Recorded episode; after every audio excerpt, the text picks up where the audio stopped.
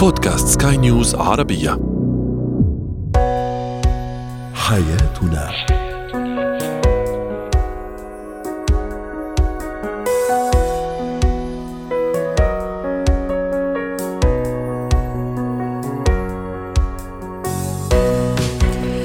مستمعينا الكرام أهلا بكم معنا إلى حياتنا فضاؤكم اليومي الذي يعنى بشؤون الأسرة وباقي الشؤون الحياتية الأخرى والذي يمكنكم الاستماع إليه عبر منصة سكاي نيوز عربيه dot com slash podcast وباقي منصات سكاي نيوز العربية الأخرى. شاركونا عبر رقم الواتساب 00971 561 886223 معي أنا آمال شابه اليوم نتحدث عن طرق ووسائل الاعتذار بين الزوجين. ماذا يعني التفدي عند الأطفال؟ هل هو خطير؟ كيف نعالجه؟ وأخيرا مع تزايد جرائم الاعتداء على الفتيات بل وحتى قتلهن أحيانا بدافع الحب ما هو الردع وما هي طبيعة الردع المناسبة لهؤلاء هو وهي اليوم نتحدث عن الاعتذار. صحيح أنه ليس هو الحل السحري لكل المشاكل بين الزوجين لكنه من دون شك وبكل تأكيد هو من المبادرات المهمة التي تضمن تخفيف التوتر في العلاقة بين الزوجين تمهيدا لإيجاد حلول حقيقية وفعالة للمشاكل الزوجية. أكثر من هذا الاعتذار ينعكس على جميع أفراد الأسرة وليس فقط على الزوجين المتخاصمين. نتحدث عن أهمية الاعتذار بين الزوجين وكيفية أيضا الاعتذار من الشريك. رحبوا معي بدكتورة نهاية رماوي الاستشارية النفسية والأسرية. سعد أوقاتك يا دكتورة كيف يساهم فعلا الاعتذار في تخفيف من المشاكل والتوتر ليكون تمهيد لإيجاد حلول حقيقية لها؟ مساء الخير. وسهلا. أمال والمستمعين جميعا. إحنا بنحكي عن بعض العادات اللي ممكن إنه إحنا نتبناها وتكون مفيدة أحيانا في علاقاتنا سواء كانت العلاقات الأسرية أو على على الصعيد العام مع الناس خارج نطاق الأسرة لكن أهمية الاعتذار له يعني أهمية خاصة بين الزوجين ليه؟ لأنه هذه المؤسسة إذا قامت على الشعور بالاحترام المتبادل على قيم مشتركة على أسس أنه ما عندي أنا مشكلة إذا أنا عملت سلوك المهم أنه الطرف الثاني يكون مرتاح وأنه أنا ما أدخل حدود مش مسموح لي أدخلها مع الطرف الآخر، يأتي هنا الاعتذار ليضع الحدود بيننا في أماكنها حتى تبقى المودة هي الأساس، فإذا إحنا كان عندنا الاعتذار هو راح يمنع شغلات كثيرة، راح يمنع الخلافات إنها يعني تصير أكثر، وراح هو ما يخلي لها تبعات. يعني إذا أنا كنت مثلا زعلانة من شريكي أو من شريك الحياة أو الزوج إذا هو اعتذر بنحس إنه إحنا خلص يعني طوينا صفحة. لكن إذا أنا يعني مشيت الحياة ولم يعتذر وبقي شعور الألم وشعور الإهانة أو الظلم مهما كان سبب الاعتذار فإن ذلك يؤدي إلى خلافات أخرى تكون مبنية أساسا على موقف لم ينتهي أو لم يناقش أو لم يصلح. في المواقف السابقة. جميل، دكتورة نهاية انت حضرتك مهدتي لي لشيء كثير مهم عم تحكي على الأسباب. هل في في أسباب اللي أنا مشانها لازم أعتذر من الشريك؟ لأنه أحيانا يعني إذا زاد الشيء عن حده انقلب لضده في كل شيء، حتى حتى الاعتذار يعني. هل في مواقف اي لازم أعتذر فيها؟ أو يعني لازم الاعتذار يكون فيها سيد الموقف؟ ومواقف لا لأنه يعني لازم يكون مبرر ويكون في في محله وإلا راح يفقد قيمته زي كل شيء يفقد قيمته إذا زاد عن حده أو إذا لم يكن في محله. مزبوط هلا إذا كنت أنا على كل شيء بدي أعتذر عشان تمشي الحياة الاعتذار سوف يفقد قيمته. لكن في أحيانا الاعتذار يصبح ضرورة عندما أنت تتجاوز زي ما حكينا الحدود عندما يعني تجرح مشاعر الآخرين عندما تضع الآخر في الزاوية ويصبح هو يشعر بالظلم يشعر بأنه شخص مهان أو ما إلى ذلك. هنا إذا أنت اعترفت بخطأك وانتبهت إنه هذا الخطأ قد أساء للآخر أو للشريك فعليك الاعتذار لأنه هناك أنت أحدثت جرحا نفسيا أحيانا. وهذا الجرح النفسي يمكن أن نطببه أو يعني نخفف آثاره عن طريق الاعتذار لأنه إذا كان في هناك مواقف معينة مثلا تكون أنت والزوج أو تكوني أنت والزوج أو أنت والزوجة متفقين على أمور معينة وجاء أحد الأطراف وأخل بهذا الشيء وجرح الطرف الثاني. هنا لابد من الاعتذار. أو إذا مثلا شعر واحد بشعور الظلم من لسبب بسبب مثلا إنه شك في في الزوج الزوجه شكت في الزوج في مكان يعني كان من تهيؤاتها. هنا يجب الاعتذار لأنه أنت هنا ظلمته وحطيته في مكانه هو غير موجود فيها. فهنا لابد من الاعتذار حتى نعيد الأمور إلى وضعها الطبيعي والسليم بدك تت... بدك تحس إذا حسيت حالك كمان مقصر في الأمور الحياتية م. يعني أنا مثلا بالعادة ما عم بجيب لزوجتي ما عم بعملها كذا فشعرت إنه بيوم من الأيام إنه هي تفتقد لأمور كثيرة سواء م. كانت آه، أمور عاطفية أو أمور مادية صحيح. لا بد من الاعتذار وتصحيح الأخطاء التي ممكن إنه نرتكبها بطريقة مباشرة أو غير مباشرة م. وخاصة زي ما حكينا إذا شعر الطرف الثاني بالتقصير والإهانة جميل. لا بد هنا من أن تأخذ هذه الخطوة دكتورة نهايه نجاعة الاعتذار وأنه يحقق الهدف من منه اللي هو نصلح الأمور أو نمهد لحلول حقيقية ونهائية.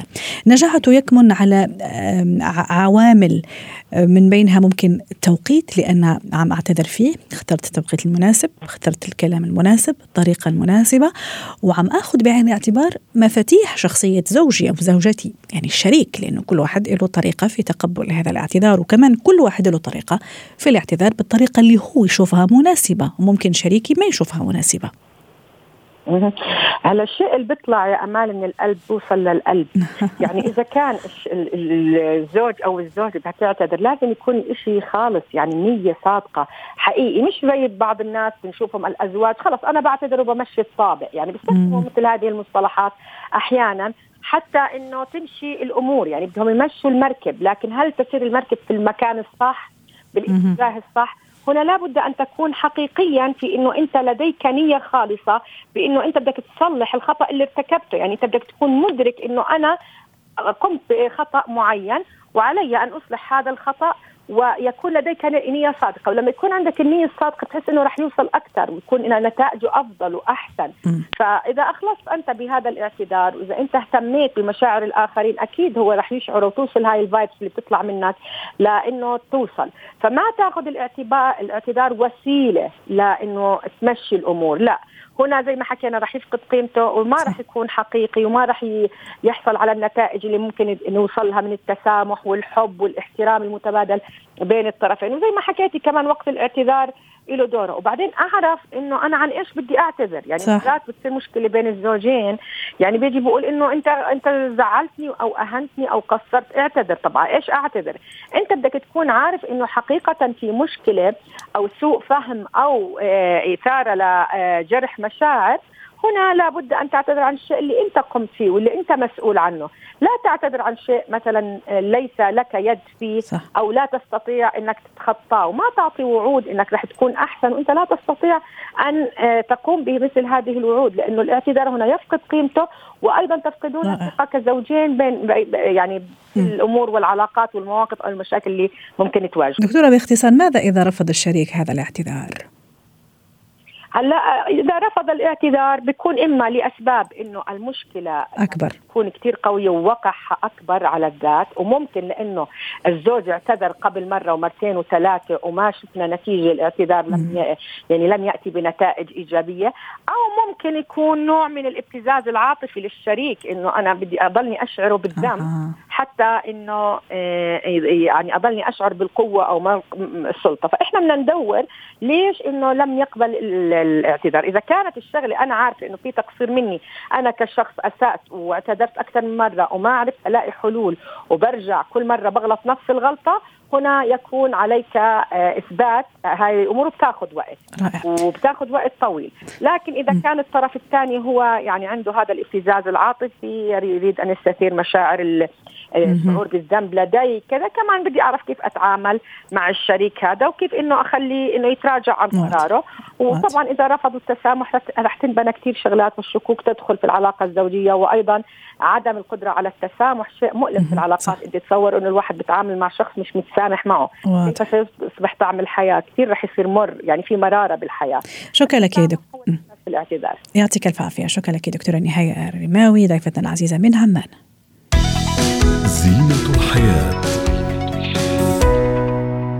اليوم سنتحدث عن التثدي عند الأطفال. ماذا يعني هذا المصطلح؟ وهل يشكل خطورة على طفلي؟ قبل سن البلوغ ويعني كل الزوايا الصحية آه، والجسدية في هذا الموضوع. رحبوا معي بدكتور محمد راشد النضوري الاختصاصي اختصاصي أمراض الأطفال ضيفنا العزيز سعد أوقاتك. دكتور محمد ماذا يعني التثدي عند الطفل؟ آه، السلام عليكم. إن شاء الله هيكون بخير. أهلا وسهلا. جميعا بصحه وعافية. آه، هي طبعا المصطلح ده يعني طبعا باللغة الإنجليزية بنسميه جاينيكوماستيا وهو عبارة عن تضخم في حجم الثدي بصفة عامة. طبعا في الثدي مكوناته الخلوية عبارة عن خلايا دهنية وفي عندنا غدد لبنية. حتى في الذكور بتكون موجودة وفي الإناث بتكون موجودة. إذا لاحظنا بعد الولادة بيبقى أحيانا آه، بالذات إذا الطفل بيرضع طبيعي والأم عندها آه، يعني نسبة هرمونات عالية في الدم بتنتقل من خلال حليب الأم للطفل سواء كان الطفل ده آه، طفل ذكر أو طفله أنثى. وكتير جدا بنشوف تضخم في في حجم الثدي وممكن لما نضغط عليه نلاقي الثدي نفسه بيطلع حليب وقد يؤدي ذلك إلى إلى التهاب في في الثدي. فبنضطر إن إحنا آه، يعني آه، نمنع تجمع الحليب، الحليب عبارة عن نواة لتكوين الالتهاب والفراج نفس اللي بيحصل في ثدي الأم ممكن يحصل في ثدي البيبي الوليد خلال المرحلة الأولى من العمر. بغض النظر إذا كان ذكر أو أو أنثى. أو أنثى. وطبعا دي بتكون ظاهرة فسيولوجية ما فيش فيها مشكلة. هي المشكلة فيها بتكون من المضاعفات التي قد تنتج عنها وبالتالي إن إحنا كل ما أول لما مجرد نلاحظ التضخم ده وقد يكون معاه بعض الالتهاب الخلوي بنعالج بمجرد كريمات مضادات حيوية موضعية وأحيانا مضاد حيوي بالفم. إذا احتاج الأمر أو مجرد إن إحنا بنعمل مساج تدليك بطرق معينة وبنفضي هذا التجمع عشان ما يبقاش نواة لحدوث لا قدر الله فراج والموضوع يتفاقم وندخل في مضاعفات. وفي النهاية لو حصل فراج لابد إن الجراح يفتح ويشيل ال ال طبعا ال اللي هو بقى افرازات الالتهاب اللي هي هتكون في النهاية صديد لكن دي مرحلة متقدمة وإحنا مجرد ما بنلاحظها في الأول بنعمل بقى وقاية من يحصل هذه المضاعفات.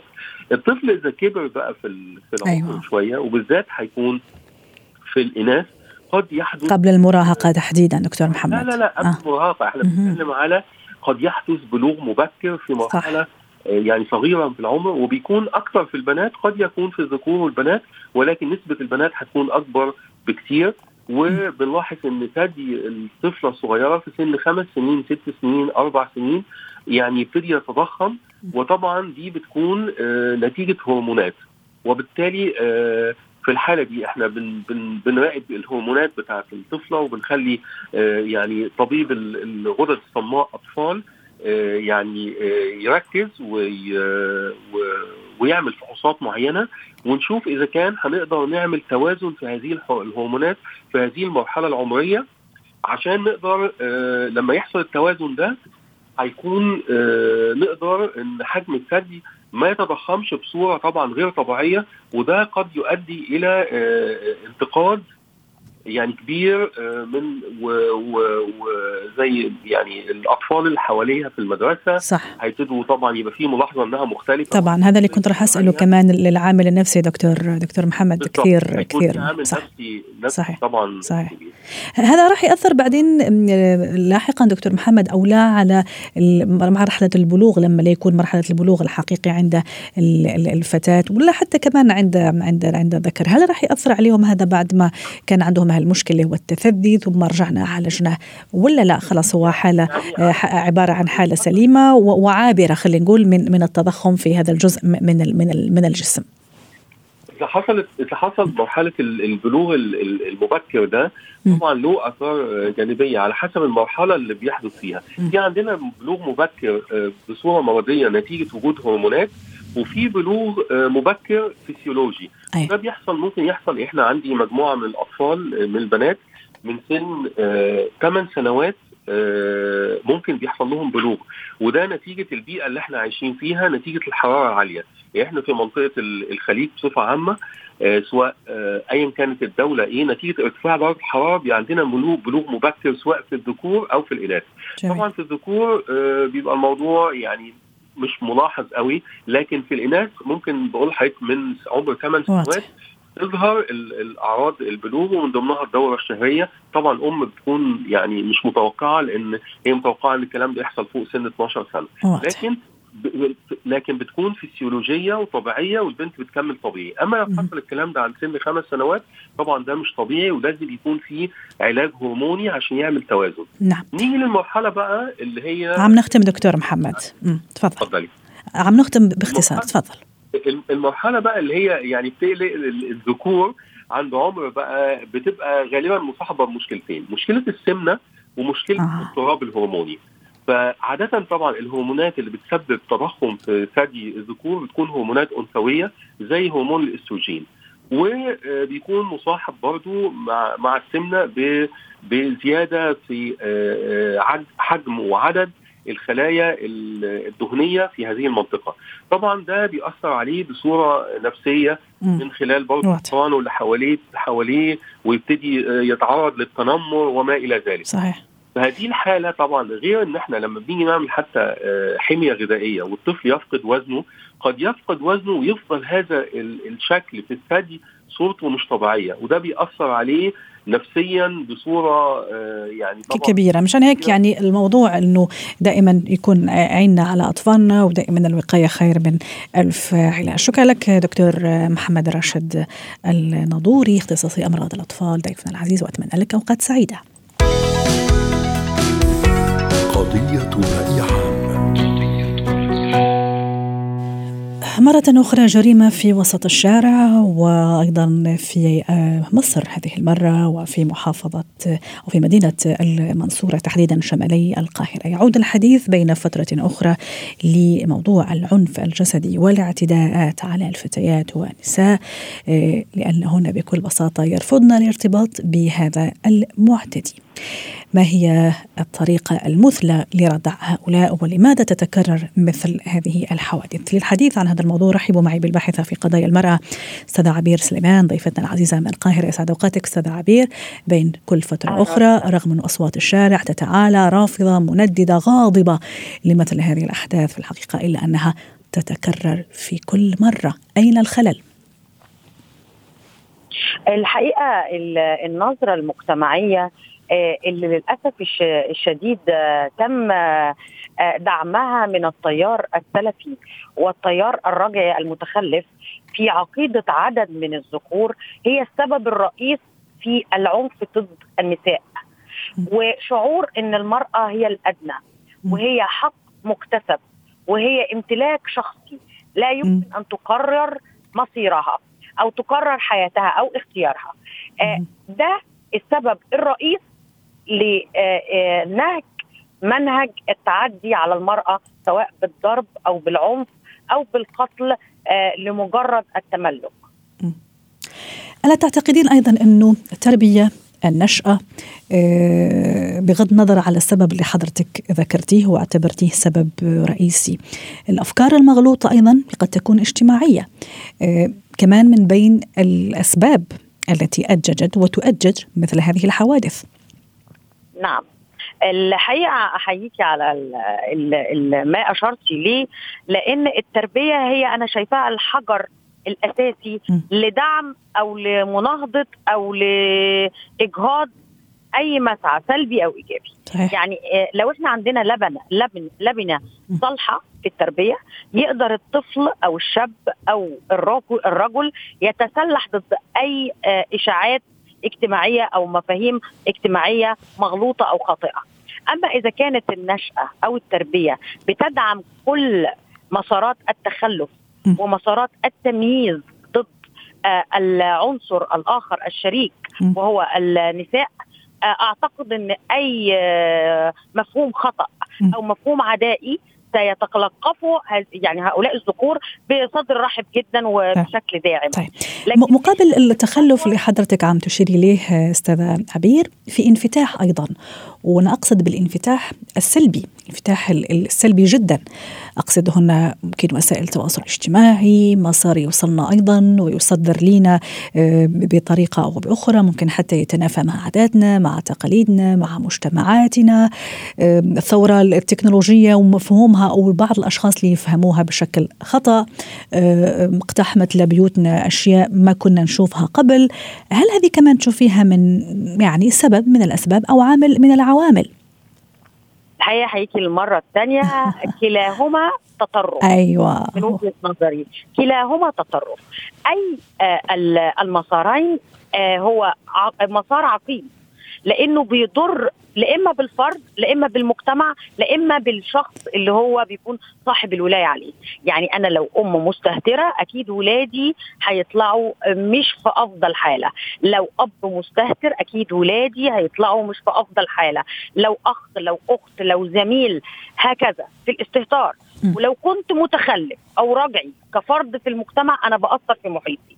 اذا كلاهما تطرف. ولكن الرجعية ذات أنياب غارزة وأنياب عميقه المدى أكثر من من الانفلات. هتقولي لي حضرتك ليه؟ لأن الرجعية بتبقى هي صاحبة الوصايه على الآخرين. أما الانفتاح في الأغلب الأعم بيشيع الفوضى ويكون هو المؤذي لصاحبه. يعني الشخص بيطبق على نفسه آه كل الممارسات اللي فيها انفلات بدون رقيب. لكن ما بيفرضش الانفلات ده على حد.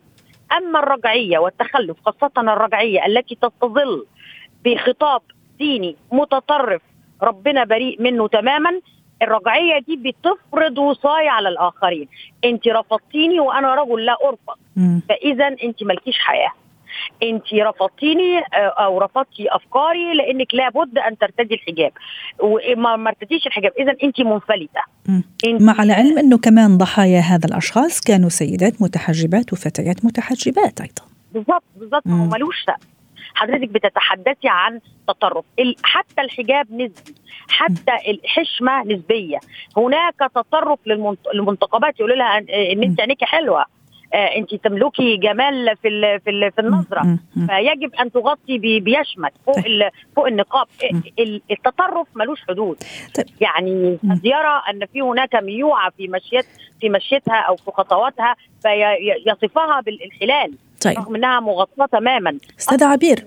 في كل الأحوال المرأة مدانة. طيب. أستاذ عبير باعتقادك إلى أي درجة آه، كل شرائح المجتمع هون هي مسؤولة عن إيقاف هذا اللي عم يصير هذا الجرائم في الحقيقة النكراء اللي أحيانا آه، تنفذ تحت مسميات وغطاءات كثيرة زي ما تفضلتي ممكن آه، آه، يعني في أشياء بريئة منها يعني. أقصد هنا مو فقط قانون المجتمع الخطاب الديني المتوازن أيضا. نحن في بيوتنا كأباء وأمهات. كيف يعني كلنا إيد في إيد واحدة حتى نحارب هذه الظاهرة باختصار عم نختم. الحقيقة هذه المنصة المحترمة اللي محاورها أنا بشوف إن هي غاية في الأهمية وكأنها ندوة أو كأنها دعوة عامة لكل صاحبي فكرة أو كل صاحب مصلحة أو كل مسؤول أن يعلم جيدا أن تضافر الجهود بشكل حقيقي لمناهضة أي عداء أو تمييز ضد المرأة هو حصن للرجال والنساء. مفيش حد أقدر إن أنا أقول إن هو مع في من المسؤولية تجاه أي جريمة ترتكب تجاه المرأة.